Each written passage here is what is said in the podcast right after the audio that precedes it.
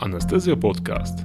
Podcast medyczny dla lekarzy, pielęgniarek i pielęgniarzy anestezjologicznych.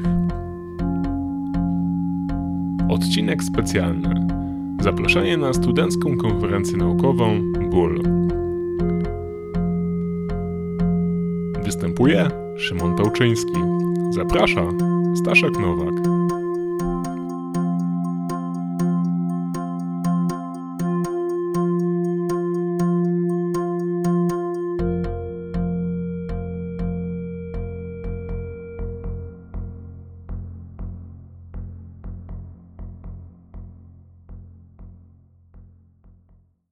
Dzień dobry, witam wszystkich wiernych słuchaczy Anestezjo Podcastu.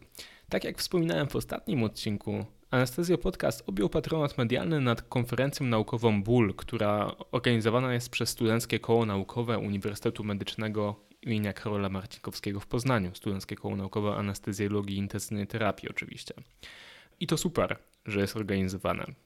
Dzisiaj chciałbym zaprezentować Wam pierwszy odcinek podcastu, który mm, organizowany jest w formie wywiadu i to nie wywiadu twarzą w twarz, ale wywiadu przez Skype'a. Dzisiaj ze mną Szymon Pełczyński, przewodniczący Studenckiego Koła Naukowego i jeden z organizatorów konferencji. No to Szymon, powiedz mi, jak to z tym bólem jest? Czy pacjenta musi boleć, czy nie musi go boleć? Jest właśnie bardzo ciekawe pytanie, bo tak jak wszystko w medycynie, zależy od podejścia. E, oczywiście w dzisiejszych czasach dysponujemy nowymi lekami przeciwbólowymi, e, nowymi technikami niefarmakologicznymi leczenia bólu. E, mamy nowe wytyczne towarzystw naukowych, ale jeżeli zajrzymy do statystyk, myślę tutaj dobrym źródłem informacji jest raport Najwyższej Izby Kontroli z 2017 roku o przewrotnym tytule Nieleczenie bólu, no to niestety troszeczkę się rozczarujemy. E, chciałbym tutaj zwrócić uwagę na e, dwa wątki. Pierwszym z nich jest e, fakt, że w Polsce sprzedaż leków przeciwbólowych OTC jest jedną z najwyższych w Europie, gdzie zaś wykorzystanie silnych opioidów w leczeniu bólu 5 razy mniejsze niż średnia europejska. Czyli tutaj mamy wątek tak zwanej opioidofobii.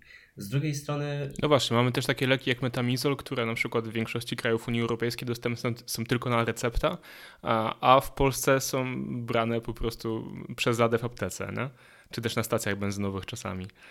No dokładnie tak. No może nie jest to najlepszy przykład, bo sam yy, w tym momencie jestem użytkownikiem metamizolu, yy, aczkolwiek, yy, aczkolwiek no niestety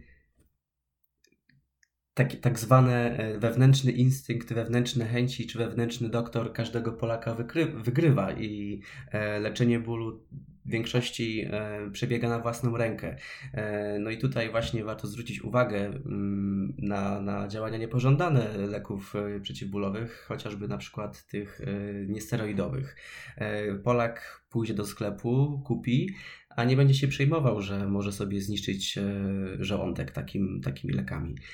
I drugi wątek, e, właśnie podejmowany w tym raporcie, mm, dotyczy bardziej natury organizacyjnej. E, właśnie kontrolerzy ustalili, że w większości szpitali tak naprawdę nie ma żadnych wewnętrznych wytycznych leczenia bólu. E, dlaczego podjąłem akurat te dwie przyczyny? Ponieważ nastawienie do opioidów i takie wewnętrzne e, właśnie e, uregulowania leczenia bólu, to jest coś, na co personel medyczny ma wpływ, ma udział w tworzeniu wytycznych, ma udział w edukacji pacjentów. Oczywiście kwestia finansowania e, systemu ochrony zdrowia to jest wątek dosyć rozległy i akurat bezpośredniego wpływu na to nie mamy, więc dostęp do poradni leczenia bólu to, to nie jest rzecz, którą od tak jesteśmy w stanie załatwić. Stąd zależy nam, żeby dotrzeć e, do, do studentów, aby zwiększyć ich świadomość na temat problemów leczenia bólu, żeby w przyszłości byli w stanie edukować innych pacjentów, kolegów, znajomych. No tak, mówisz o poradniach, a czasami to jest e, też w pewnym sensie kwestia nastawienia po prostu. No, ja sam po części zostałem anestezjologiem dlatego, że, że doświadczyłem pewnej sytuacji. Um, przyjaciółka mojej mamy, która zmagała się przez e, no, dobre kilka lat z chorobą nowotworową, była już w terminalnym stadium tej choroby i została przyjęta na umarcie do, do szpitala w mieście, w którym mieszkałem. Um, I no i generalnie e, była w strasznym bólu, kiedy w tym szpitalu leżała. E, no i domagała się jakichś leków przeciwbólowych i dostała właśnie ten metamizol, nie? czyli peralginkę i to jeszcze doustnie i to jakby było jedyne, co chcieli jej podać, a jakby kiedy prosiła o to, czy błagała właściwie o to, żeby podać jej morfinę, którą też, wiesz, brała na co dzień po prostu w tabletkach jako, jako normalne leczenie przeciwbólowe nowotworu, no to e, argumentacja, że jej nie dostanie, była taka, że przecież morfina może zatrzymać oddech. No i oczywiście może, aczkolwiek no, ten oddech 4 godziny później tak czy inaczej sam się zatrzymał, tylko zatrzymał się w bólu, a nie, e, a nie w jakiejś godności i w uśmierzeniu tego, co, e, co spowodowało tą śmierć. No? Podałeś bardzo e, dobry argument właśnie związany z opioidofobią. O ile możemy rzeczywiście bać się um, w warunkach domowych, to ile pacjent leczony w warunkach szpitalnych, no jeżeli dojdzie do przedawkowania opioidu, no to dysponujemy jednak możliwościami e, leczenia tej niewydolności oddechowej. Stąd ja osobiście taki argument uważam za no co najmniej niepoważny. No i myślę, że to jest właśnie kwestia tej edukacji, o której mówisz, tego, że po prostu jako, jako lekarze, czy, czy lekarze, którzy nie pracują na co dzień z opioidami, bo nie są anestezjologami, nie są lekarzami medycyny paliatywnej, często po prostu się tego boją. Boją się tych, zdarzeń, tych działań niepożądanych, jakby nie wiedząc, że opioid podawany czy miareczkowany do leczenia bólu tak naprawdę nie wywołuje hamowania napędu oddechowego, bo te efekty się wzajemnie e, równoważą. No dobra, a czy może ciebie spotkała jakaś taka sytuacja związana z bólem w czasie twojej dotychczasowej edukacji czy praktyk, co cię zaszokowało, albo może wręcz przeciwnie, może coś cię zaskoczyło pozytywnie w leczeniu bólu w polskich szpitalach? E, miałem kontakt z, z ochroną zdrowia w warunkach szpitala powiatowego, ma, mały szpitalik, mała miejscowość. E, no i niestety moje obserwacje no jednak zbliżają się do tego, co zostało opisane w raporcie Najwyższej Izby Kontroli. O ile postępowanie przeciwbólowe w warunkach bloku operacyjnego e, przez anestezjologa, no powiedzmy jest w miarę dobre. No, załóżmy, nie będę, nie będę wymagał od anestezjologa ze szpitala powiatowego, aby stosował e, techniki multimodalne. E, no powiedzmy, dla niektórych może być to szczyt e, osiągnięć. No ale pacjent, który wjeżdża z bloku operacyjnego, jest tak naprawdę pozostawiony e, samemu sobie. Oczywiście nie znaczy to, że pielęgniarki, lekarze nie, nie zauważają potrzeby leczenia bólu. E, no taki pacjent zawsze dostanie e, jakąś dawkę leku przeciwbólowego. E, bardziej tutaj zwraca uwagę aspekt, aspekt taki, że to postępowanie jest po prostu przestarzałe i niezgodne z obowiązującą wiedzą medyczną. No, tym bardziej y, wprowadzenie takich metod jak y, patient control anesthesia, no to już w ogóle jest y, marzenie ściętej głowy przy takich obserwacjach. E, no cóż, no Mam taki, mam taki wewnętrzny dysonans, bo wiem, że pielęgniarki, zwłaszcza na takich mniejszych oddziałach, są po prostu przerobione pracą. E, z drugiej strony, no jednak widząc y, cierpienie tych pacjentów, no, ma, ma się ochotę y, uderzyć w dzwon i powiedzieć, no co wy robicie? No ale niestety nie da się, trzeba ważyć te wszystkie rzeczy i e, operować w takich warunkach, jakich e, możemy. Niemniej jednak trzeba na to zwracać uwagę, bo o ile teraz nie jesteśmy w stanie wszystkiego zmienić, to być może dzięki, takiem, dzięki takiemu ciągłemu zwracaniu uwagi na nieprawidłowości w końcu coś się ruszy, coś się zmieni. No, wiadomo, że wiele zmian, które muszą wydarzyć się w, w ochronie zdrowia, to są zmiany procesowe i nie, nie tylko zmiany na, na, zasadzie dzisiaj wprowadzamy jakieś zarządzenie i ono jutro e, będzie egzekwowane. Natomiast wydaje mi się, że głównym problemem jest to, żeby po prostu zacząć dostrzegać ból i zacząć dostrzegać cierpienie pacjenta i zacząć dostrzegać, że jest to problem, nie? bo e, myślę, że często spotykamy się po prostu z tym, że, że tego się nie widzi. Ja pamiętam, jak jeszcze jako student byłem, e, byłem przeszło miesiąc na chirurgicznym sorze i, no i tam działy się różne rzeczy. E, wiadomo, że pacjenci przyjeżdżali no, czasami karetką z jakimś tam dużym bólem i cierpieniem, ze złamaniami, e, z, z różnymi tam innymi urazowymi sprawami. I przez cały miesiąc nie spotkałem ani jednego pacjenta, który w warunkach przedszpitalnych dostał jakikolwiek opioid.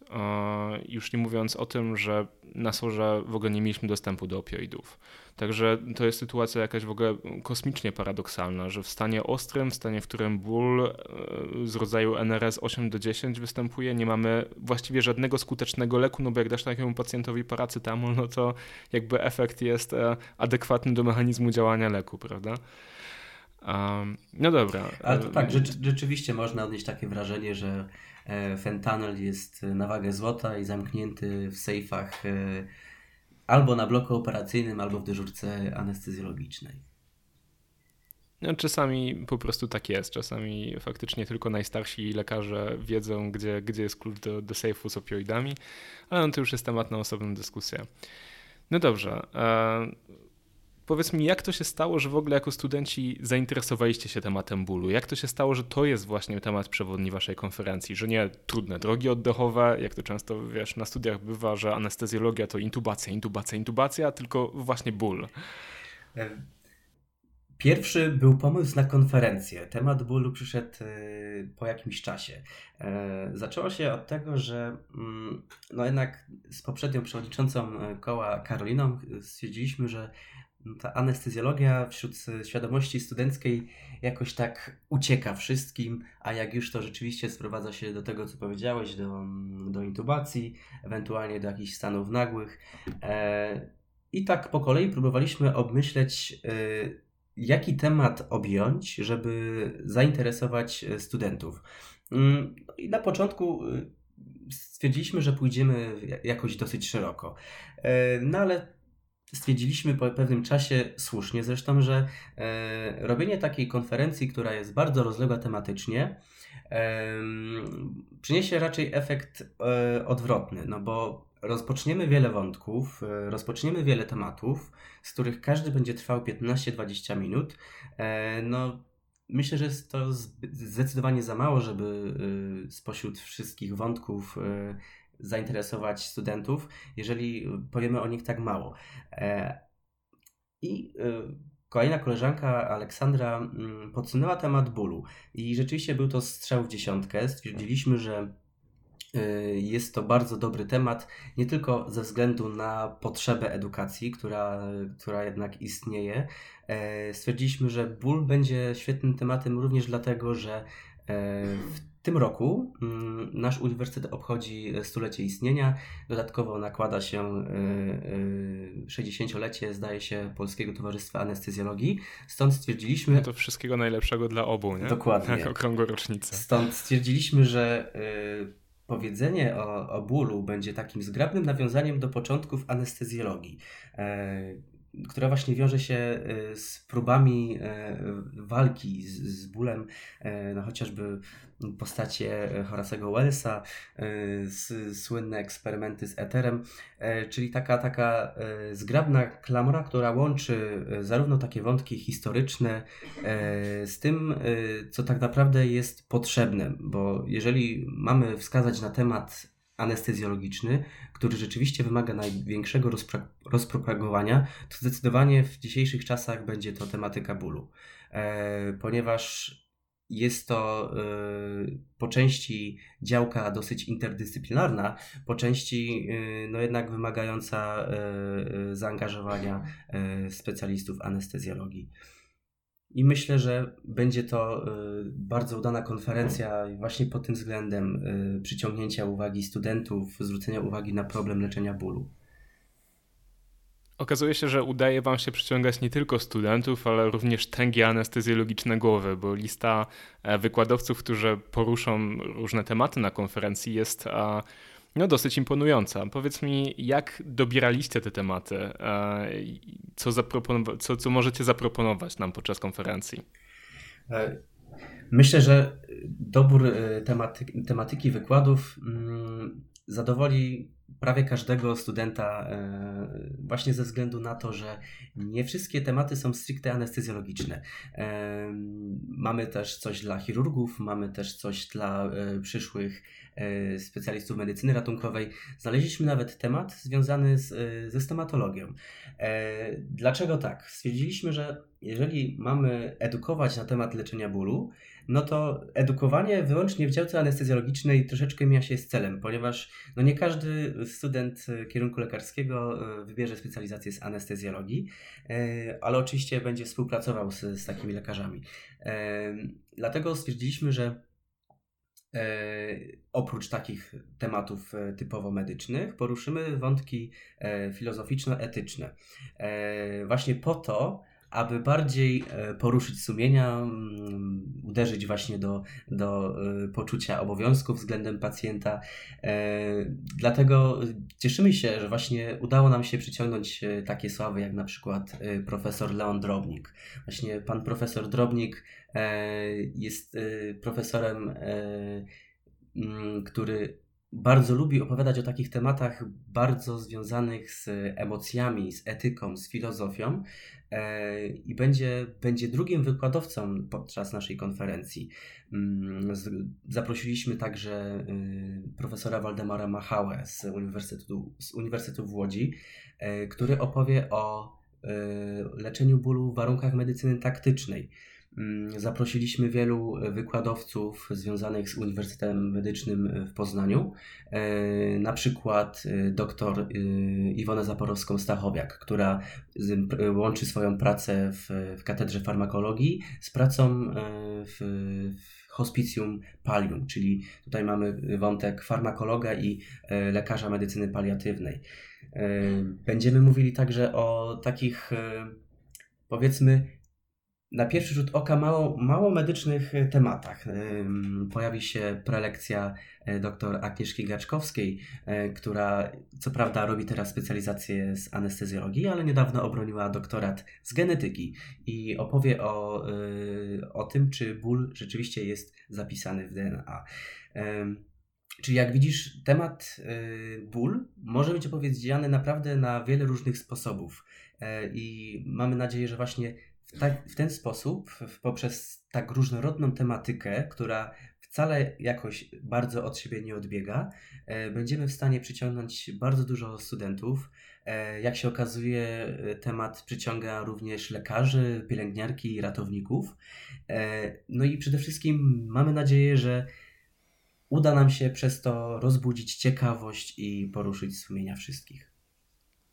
No, moją ciekawość na pewno rozbudziliście. Nie ukrywam, że jestem podekscytowany wizją e, waszej konferencji i cieszę się, że tak trudny temat e, jest dostrzegany już na poziomie studenckim i jest przez was poruszany i do tego tak kompleksowo i tak mądrze opracowany. Więc e, chciałbym Cię prosić jeszcze, żebyś powiedział naszym słuchaczom kilka podstawowych informacji o tej konferencji, bo chyba tego jeszcze akurat nie wspomnieliśmy. Konferencja odbędzie się w sobotę, 11 maja w budynku Centrum Biologii e, Medycznej Uniwersytetu Medycznego imienia Karola Marcinkowskiego w Poznaniu. E, zaczynamy o 8.50. E, podczas konferencji odbędą się dwie sesje wykładowe, a zaraz po konferencji, która kończy się o godzinie 15 odbędą się warsztaty z ultrasonografii w blokadach regionalnych, a także warsztaty przygotowane przez Wielkopolską Stację Pogotowia Ratunkowego z leczenia bólu w zespołach ratownictwa medycznego. No to mogę tylko dołączyć się. Chciałeś jeszcze coś powiedzieć? Chciałem powiedzieć, że, że e, rejestracja zostanie uruchomiona w poniedziałek 11 marca. E, liczba miejsc 200. Mamy nadzieję po cichu, że e, rozejdą się jak świeże bułeczki. E, niedługo później uruchomimy e, rejestrację na warsztaty, ale o wszystkich informacjach informujemy na bieżąco na, na facebookowej stronie wydarzenia konferencja Anestezjologia Ból. Okej, okay, Szymon, to dziękuję Ci w takim razie bardzo za dzisiejszą rozmowę i trzymam kciuki za Waszą konferencję. Dziękuję, dziękuję bardzo za możliwość powiedzenia kilku słów na temat konferencji. No i życzę Tobie, Staszek, powodzenia, ponieważ e, uważam Twój projekt za bardzo ciekawy i za bardzo edukacyjny. Także mam nadzieję, że dzięki, naszej, e, dzięki naszemu małemu product placementowi przybędzie Ci sporo słuchaczy. I to na dzisiaj tyle. My trzymamy kciuki za organizatorów. Na pewno w maju na konferencji sami się pojawimy i myślę, że ból będzie jednym z ważnych tematów naszych majowych podcastów. E, mam też nadzieję, że prowadzący konferencję podzielą się z nami kilkoma słowami komentarza na temat prowadzonych przez siebie wykładów. Ja na dzisiaj Wam dziękuję. Pozdrawiam serdecznie. Słyszymy się w następnym odcinku.